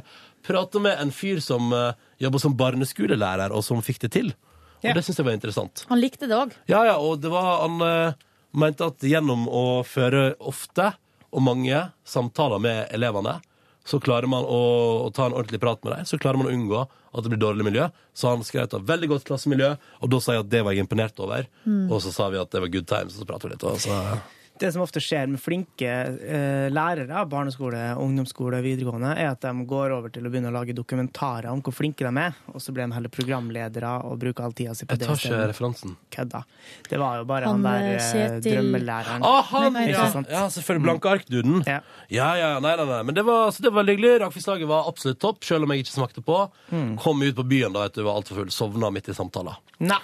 Eh, Men hvorfor skulle du da på Ronny. død og liv ut? Det forstår jeg ikke. Nei, jeg ville nå bare være med på moroa. Ja, vil du være med, så heng på. Ja, så jeg hang på. eh, og klar, det klarte jeg ikke, altså. Rett og slett. Var for trøtt av et uh, tidligjobbing og gjør noe med deg på fredagskveldene. Vet du, Jeg har kommet til den eh, konklusjonen nå at eh, denne turnusen gjør at jeg eh, må slutte å drikke. Ja. Jeg klarer det ikke lenger. Det er ferdig. Finito. No more. Men det som var veldig gøy, var at eh, fordi vi eh, vi SMS-a jo fredag kveld, og da var det noen i ditt eh, kjærlighetsforhold som eh, var veldig keen på å gå ut. Nei, var ikke veldig keen. Det som skjedde var at du, Ronny, først skrev du For vi, eh, jeg var jo på et vors med venner av meg. Hvordan begynte den, S- ja, stemmer, den Ja. SMS-greia begynte med eh, den utrolig tragiske hendelsen som fikk sitt utspring i noe vi tulla med på fredag. Uff, ja. Ja. Det var jo den der em, telefonsamtalen, eh, den prank-telefonen til det sykehuset i England. Mm. Som vi, sn- var det på fredag vi snakka om? Eller var det torsdag? Nei, jeg tror det var onsdag eller torsdag, torsdag, ja. onsdag eller torsdag, ja. Ja, ja. Og så går det noen dager, og så ender jo den der eh, saken med den verste, worst case scenario. Ja. At hun ene av de sykepleierne som har tatt telefonen, rett og slett eh, t- tok livet av seg. Mm. Helt sjukt. Så da fikk jeg jo melding fra Ronny på fredagen. Sånn her, herregud, liksom. Eh, og så snak- skrev vi litt fram og tilbake om det. Og så var jeg på fest, og da skulle kjæresten min egentlig ikke være med, for at hun klarte ikke. Men eh, så ble, ble hun Klarte med. ikke? Jeg var så sliten. Å ja, sånn, ja. ja. Ja. At eh, hun- jeg hadde egentlig bare lyst til å være hjemme og slappe av. Så sa jeg bli med ut, eh, vi drar på vors, og så går vi ikke ut. Vi skal rett hjem. Mm. Um, og så var det sånn, ja, ja, ok da, ja, ok, jeg blir med ut likevel. Og så får jeg melding fra deg, Ron, eh, du bare, bli med ut, eh, Kalte meg Ron nå. Ronny. Ron. Ikke, kall- det, ikke kall meg Ron. Kaller deg Ronny. Herregud. Tror du jeg kaller deg for Ron? Nei, det, Petter Stordalen gjør det. Hvem er Ron? Herregud, og så SMS-a jeg med deg, og så sa jeg til kjæresten min sånn, her, å, Ronny driver og maser om at vi skal komme ut, men jeg, eh, vi drar hjem. Og så skrev jeg det, og så var jeg litt sånn her, eh, kvia meg litt for å svare til deg, for at du blir så lei deg, og av og til sur. Jeg er ikke sur! Jeg er ikke sur! Du virker sur hvis man Nei. sier at man ikke blir med ut. Nei, nei, nei. nei, nei. Og så eh, sitt, setter vi oss i taxien, og så ser jeg at kjæresten min sitter og tekster, og, så sier jeg, og da fikk jeg bange anmeldelser. Ja. Hva er det du driver med? Så hun bare eh, Jeg sendte melding til Ronny. Hva har du skrevet til Ronny? Og så hadde hun skrevet hvor dere skal han er. Så var det sånn standard sånn der eh, kan hint. Ja. Eh, hvor skal dere? Vi vil være med. Og jeg bare Nei! Nå har jeg akkurat liksom mota meg opp og sendt melding og sagt nei, vi skal hjem. Men da satt vi jo Vi satt jo i taxien med kebab i handa. Vi skulle jo ikke ut da. Nei, Hun hadde tydeligvis litt grann lyst til det. Ja, men hun har alltid lyst til det. Litt Ok. sånn som du, Ronny. Ja. Så av og til så må noen bare si nei. Mm, mm. Nå Av og til må noen si nei. skal vi hjem og legge oss. Ja, jeg kom hjem og la meg etter hvert, jeg òg, altså. gjorde det, ja. Dessverre ikke før Det bæres hjem. Ja, det var, det, var, altså, det var omtrent sånn. Det var ikke først og fremst fordi jeg var for full, det må jeg bare få lov til å si. Det var først og fremst fordi jeg var megatrøtt. Men hvis noen ser deg, Rodney, at du sitter og sover på en uteplass i hovedstaden Du vet at du kan bli tatt bilde av og lagt ut på Ah. Ja, internett? uff. jeg må slutte, slutte med det. Men ved lørdag eh, sto jeg opp og fullførte avtalen jeg hadde lagt med eh, Mari og Ørjan kvelden før. Herregud. Hva var, Det klokka da? eh, da var det, vi møtte til frokost klokka ett. Det var sånn akevittlunsjgreier der, da, Nei, sikkert. det var egg og bacon og juice og Og så har hun Mari noe kaffe som var sånn eksklusiv kaffe som en eller annen plass i verden har altså det er et eller annet dyr som ser ut som litt sånn stinkdyr, som har spist kaffebønnene, Ja, det der har jeg hørt om! ja, drete dem ut igjen, og så har det blitt kaffe. Og den smakte helt vanlig kaffe. Helt fuckings vanlig Eller om det kaffe. er fra Brasil? jeg. Ja. Det Eller ble lagd, Afrika i det ble sted. lagd 250 kilo av det i året. Hvordan har hun fått tak i det? Jeg da? vet, Hun har fått det i gave, tror jeg. Eh, det var helt eh, Altså, jeg kunne like godt drukket noe Friele-opplegg. Helt eh, Det er fra ekstremt. Brasil, det òg. Godt poeng. eh. Gøy! Ja. ja, ja. Den uh, lørdagen utvikla seg videre til et eh, nytt fyllekalas. Denne gangen på en brun pub i hovedstaden. Er det den billigste, eller nesten billigste? Ja, Det var iallfall helt latterlig billig. Og vi drakk eh, såkalte mugger, eller pitchers. Og det kan ikke jeg egentlig gjøre, fordi du mister så totalt oversikt over hvor masse du drikker. Mm. Så jeg tylla nå i meg noe øl, eh, og så var Leif gira på noen Tequila shots, så da gjorde vi det. Eh, men denne kvelden her så klarte jeg å gi meg litt tidligere. Og jeg var ikke så trøtt heller. Så bra. Så jeg var vel hjemme halv tre, tenker jeg. Flink. Tusen takk. Og Når sto du søndag opp i går? Ja, jo, i går var vi jo og gjorde noe. Vi var, ja. I går var vi, gjorde noe. Vi var hva, på gjorde vi, hva gjorde vi i går, Silje? Skal vi bare si det? Ja, hva sier du på bono- bonusbordet? Eh, nei, ja, det er jo ikke noe hemmelighet. Men Nei. vi har, eh, skal være på radio hver dag i hele jula. Men vi skal jo også ha ferie, så det Mm. betyr at vi nå i forkant må spille inn eh, sendingen eh, i forkant. Hadde en effektiv dag i går. da Fikk gjort unna julaften, første, andre og tredje juledag. Ja. Det er ganske bla. Og jeg vil si at det er ganske, vi ender opp med å la, ha laga ganske OK radio. Og det jeg liker litt, det er at det er litt nytt der òg. Det er litt nytt og litt gammelt. Det blir podkast av det, Mm. eh, så kan du høre på det. Det er litt fjas og litt eh, høydepunkt og litt forskjellig. Og så er det julegaveutveksling, da. Så det har jo vi gjennomført nå. Det var veldig rart. Veldig rart å gjøre det. Men det var godt å bare tyvstarte litt Ja, ja, ja. på julegaveutvekslinga. Åpne opp litt. Mhm. Ja. Så det gjorde vi i går, altså. Da var jeg oppe i rimelig tid, da. Ja, du var det. Ass, det var Mhm. en lang dag i går, ass. Ja, det var en lang dag i går, ass. Oh. Og det fortsetter neste søndag. Så det blir topp. Yngve Hustadreite, du var jo på eh, noe julebord, og du lagde jo Jeg lagde jo til julebord på fredag. Jeg hadde jo Fortell gleda meg nå. som et lite barn, eller som en voksen herre, da, ettersom det var, det var jo alkohol involvert.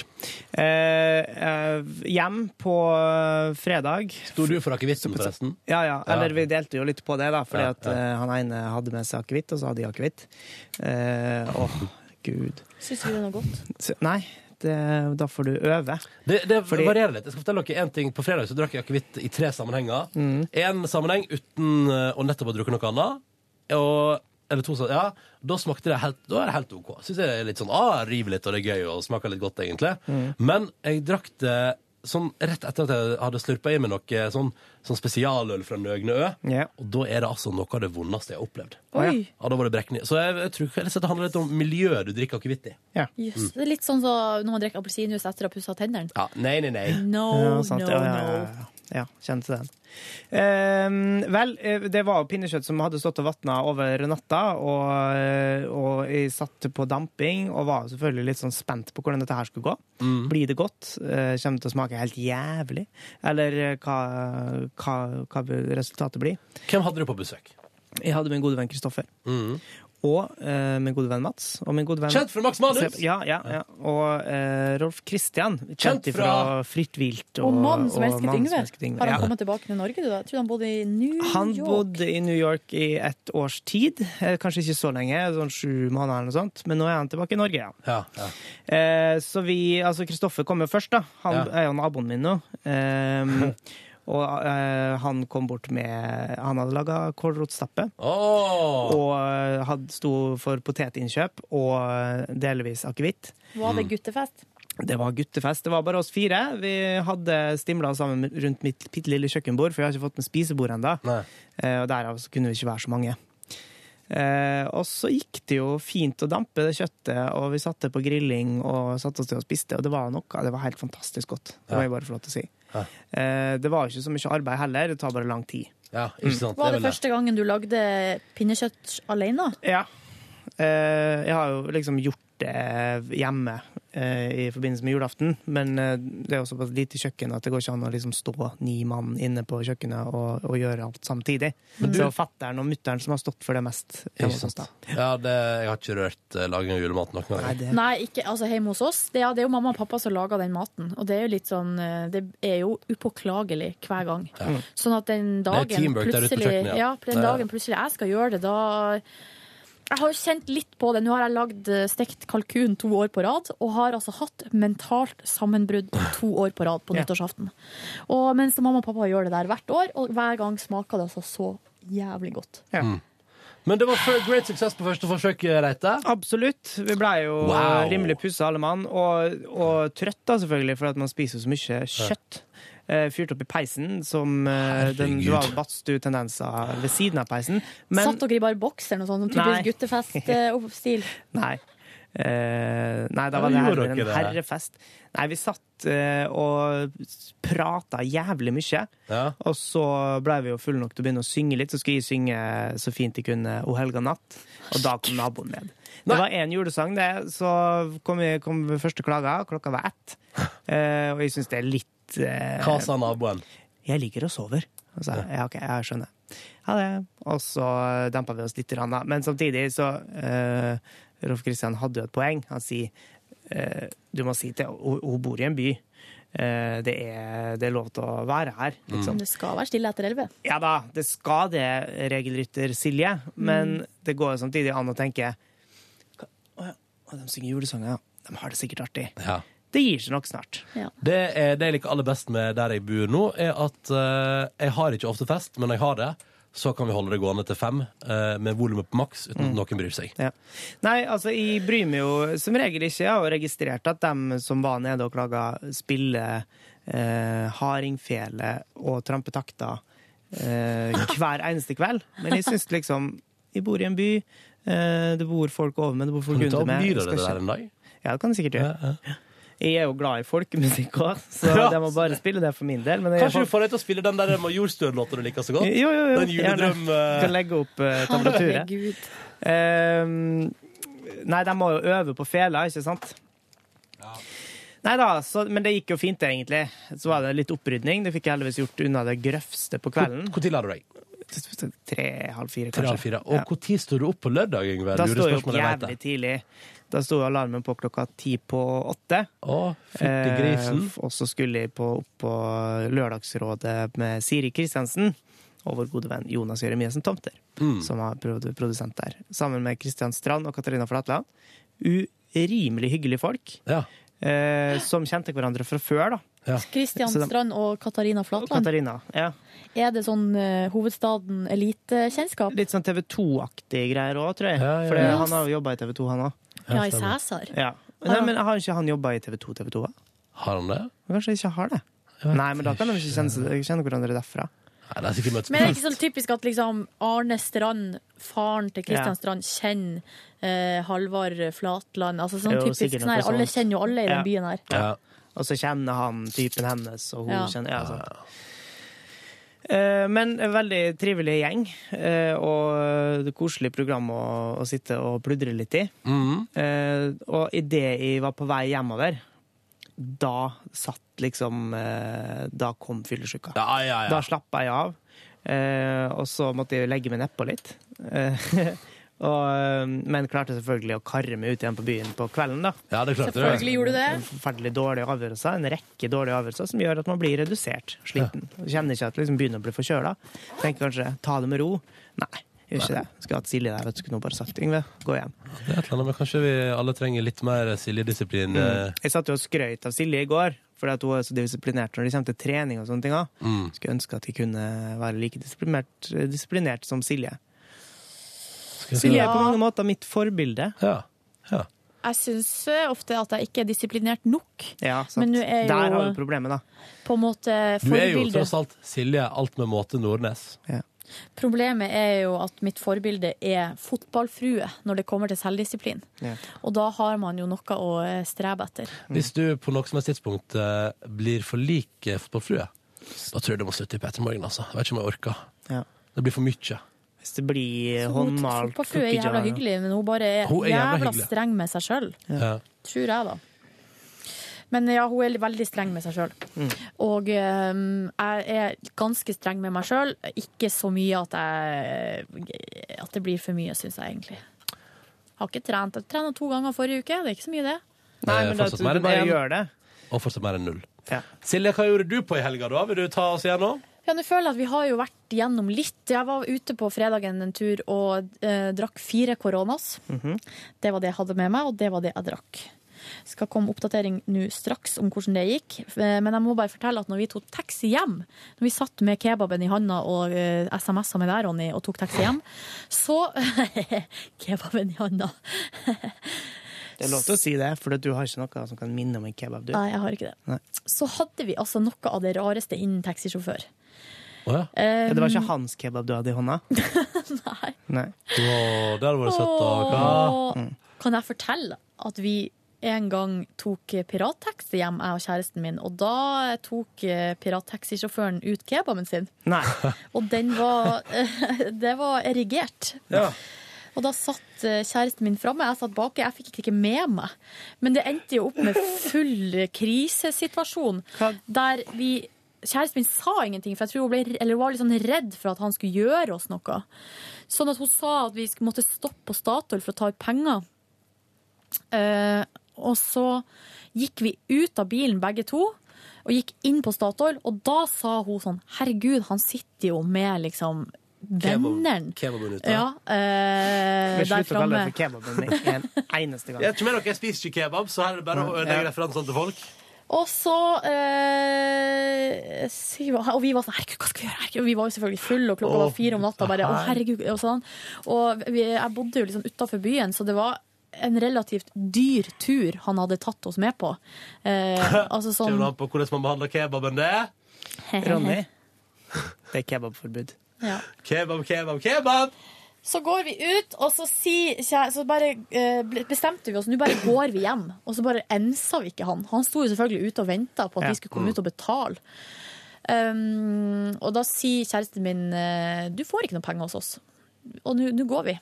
Og da uh, gassa han opp og kjørte rundt eh, bensinstasjonen og kom opp på sida av oss en gang til. Um, og da sa eh, kjæresten min nå tar jeg bilde av registreringsnummeret ditt, og så sender jeg det til politiet. Og jeg gjør det nå. Og da gassa han opp en gang til, kjørte rundt, eh, og da så vi at han kom en gang til, og da begynte vi å sprenge. Ja. Og da, selvfølgelig, da er det sånn her typisk sånn her man sprenger det får den her, Jeg fikk den her følelsen som når man er på slang. Eller når man eh, ringer på og stikker hos noen. Mm. Så vi sprang og var på den ene sida livredd, og så fikk vi latterkrampe. Fant dere en hage eller noe? Ja, gjemme dere i vi det, eller? sprang opp i hagen til folk og gjemte oss bak sånn her bærebusk og Ja. hadde latterkrampe og var redd samtidig, og det var ikke bra. Ikke ta på Nei, Det der nei, nei. er ikke bra. Aldri ta pirattaxi, for da plutselig så sitter folk med kebaben ute, ikke sant? Ja, vet du hva? Det skjer altfor ofte. Ja. Altså, ei, ei anna venninne av meg, hun, eh, had- da var taxisjåføren så herselig, og det var også pirater. Altså, når hun kom hjem, så sa hun bare, jeg må gå inn og hente penger. Og så sa han, eh, I don't think so, da skal jeg ha noe i pant her ute. Og så hun bare, «Du bare ta telefonen min. Så ga han telefonen sin, så gikk hun inn, og så gikk hun aldri, hun så seg aldri tilbake. Nei. Nei.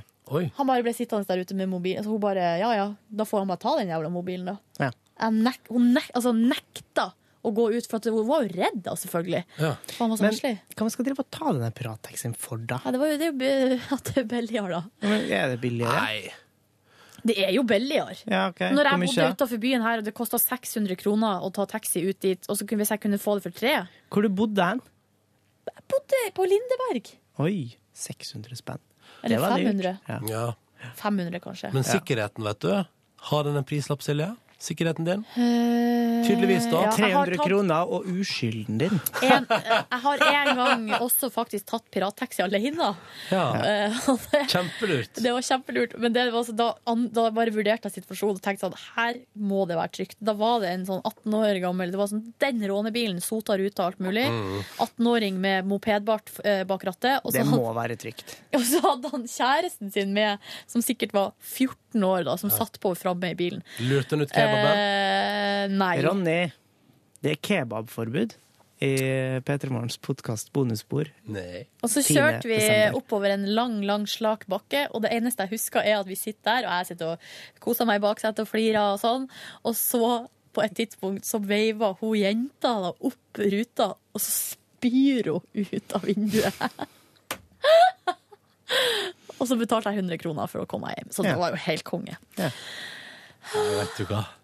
Det, det, det var et Det er opplevelse. et annet Silje Nordnes. Sant? Du, men Dette er ikke det vi, vi, vi må forholde oss til hver dag. Nei. Men Tenk, men jeg var mye artigere før. Ja.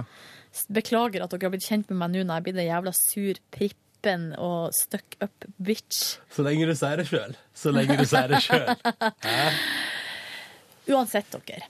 Taxisjåføren var så rar. Ja. Å ja, det var der. Eh, Det var der vi var. Eh, Tok han fram kebaben? Eh, Ronny, hvis du sier kebab en gang til, da skal Silje gi det svipupp. For det er straffen for å Men si et eller annet med at hvis du, Ronny, kan s- eh, lurt inn noe penisprat når du snakker med meg, da er du fornøyd. Og da lurer jeg på hvorfor. Silje kan anmelde det. Jeg bare spør, jeg stiller et spørsmål, kan du tenke litt over det sjøl? Hvorfor du alltid må dra fram sånn penisprat? Jeg skal ikke ha på meg i podkast bonusbord 10. desember at jeg alltid drar på noe Du- penis. jo, du- Jo, du gjør Nei, det. nei, Jo, jo, jo, jo, nei, jo, nei, jo, jo, jo. Dere to. Vet du hva? Du Nå gjør rotter de seg sammen, kjære lytter. Nå rotter de seg sammen. Hei, ta og pakk sammen sakene dine, Ronny. Stopp nå! Inn igjen. Ikke noe fapp, fapp, fapp her. Nei. Nei, dere, det var, i- det var ingenting seksuelt som gjorde at det var rart. Han sjåføren var bare så rar, og han sa sånn eh, at han skulle til Somalia i januar, for at da skulle han besøke kona si. Ja, og, så så koselig. sier jeg, um, og så sier jeg Å ja, så deilig, for at da er det jo så kaldt i Norge. Eller det er jo så kaldt her da i januar. Og så sier han bare Hvordan vet du det? Hvem som har sagt det? og jeg bare Eh, nei, jeg sier det!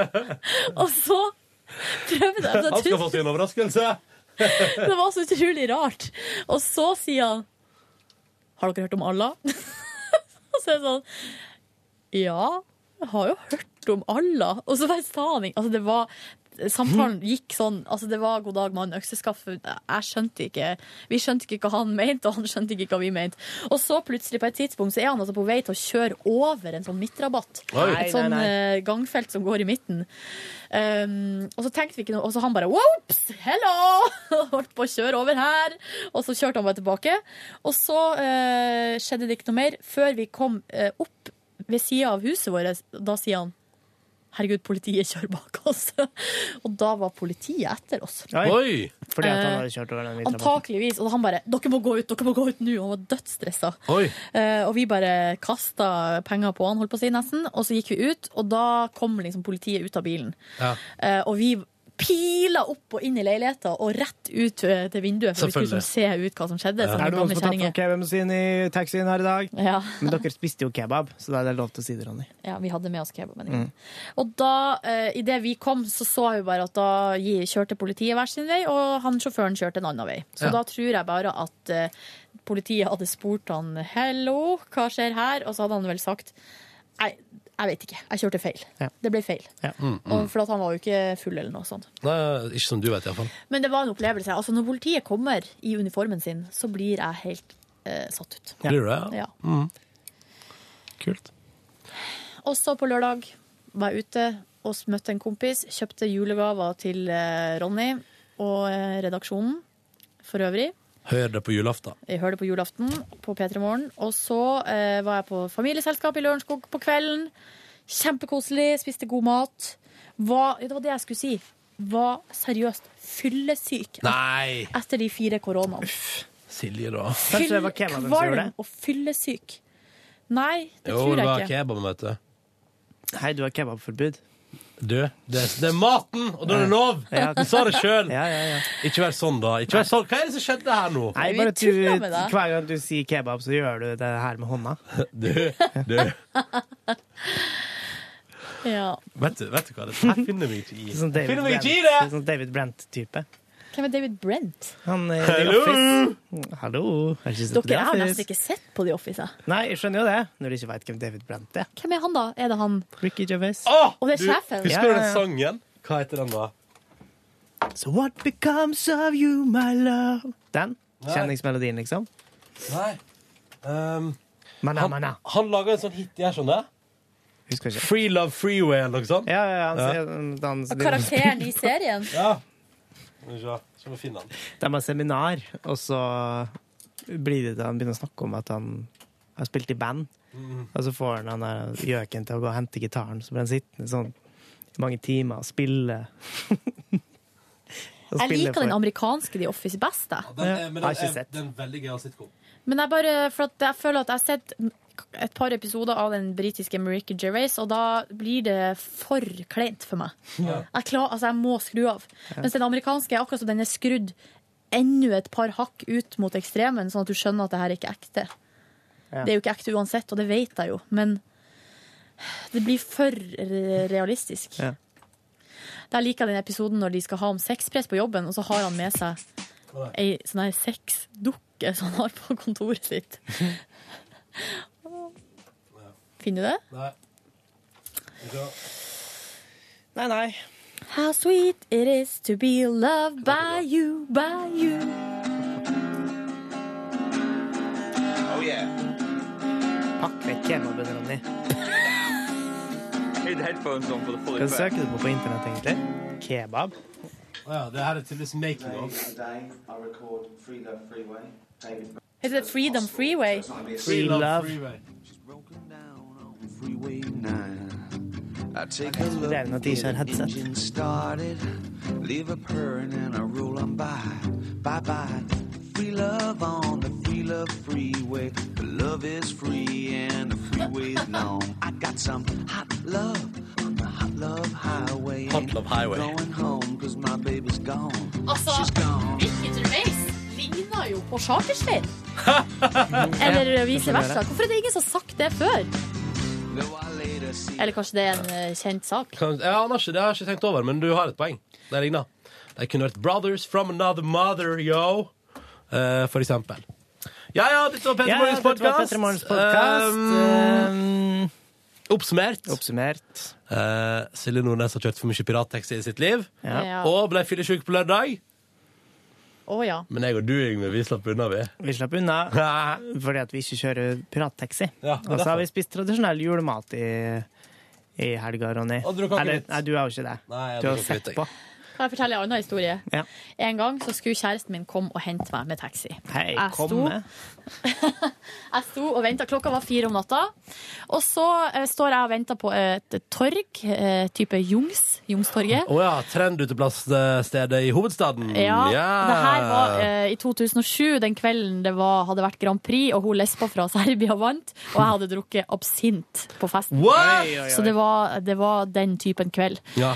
Um, og så plutselig så kommer hun da eh, kjørende i ikke en taxi, men en bil med en fremmed mann som kjører, og så sier jeg sånn Hvem er han? Og hun bare Jeg vet ikke. Men da hadde hun altså stoppa han på rødt lys og hoppa inn i bilen og spurt hvor skal du? Og da sa han Furuset. Og da sa hun helt perfekt, vi skal til Lindeberg, vi sitter på. Men vi må bare innom Youngstorget og plukke opp kjæresten min først. Hm. Og da viste det seg at han her var en litt sånn eldre kar som hadde vært DJ da på et utested. Ja. Mm. Og nå fikk han med seg to eh, lykkelige kvinner. Tror du vi Eh, ble med han hjem? Nei, selvfølgelig ikke. Eller ble dere det? Nei. Vi ble ikke det. Nei. Han kjørte oss hjem. Ja, ja, det var raust av han, da. Fikk Ja. han penger? Nei, Nei. fordi det var et ubetalt oppdrag. Ja, ja. Sånn går det når du har- kjører i byen med dørene åpne. ja. Lås døra neste gang, eller så kommer kjæresten til Silje og hopper inn i bilen din altså. Ja. og ber deg kjøre opp plasser. Da gir Det er en bra historie. Da gir vi oss. Ha det. Takk for at du hørte på Petter Morgens podcast. Ikke gjør det du der hjemme, det er ikke, Ikke gjør det. anbefalt. Vet Ikke du, gjør det. Du men kan- ikke gjør det. Nei. Nei. Da kommer du til å ende opp med å være skikkelig fyllesyk etter fire koronaer som noen år. Det er straffa. ja, det er Ha karma. det bra! Ha det.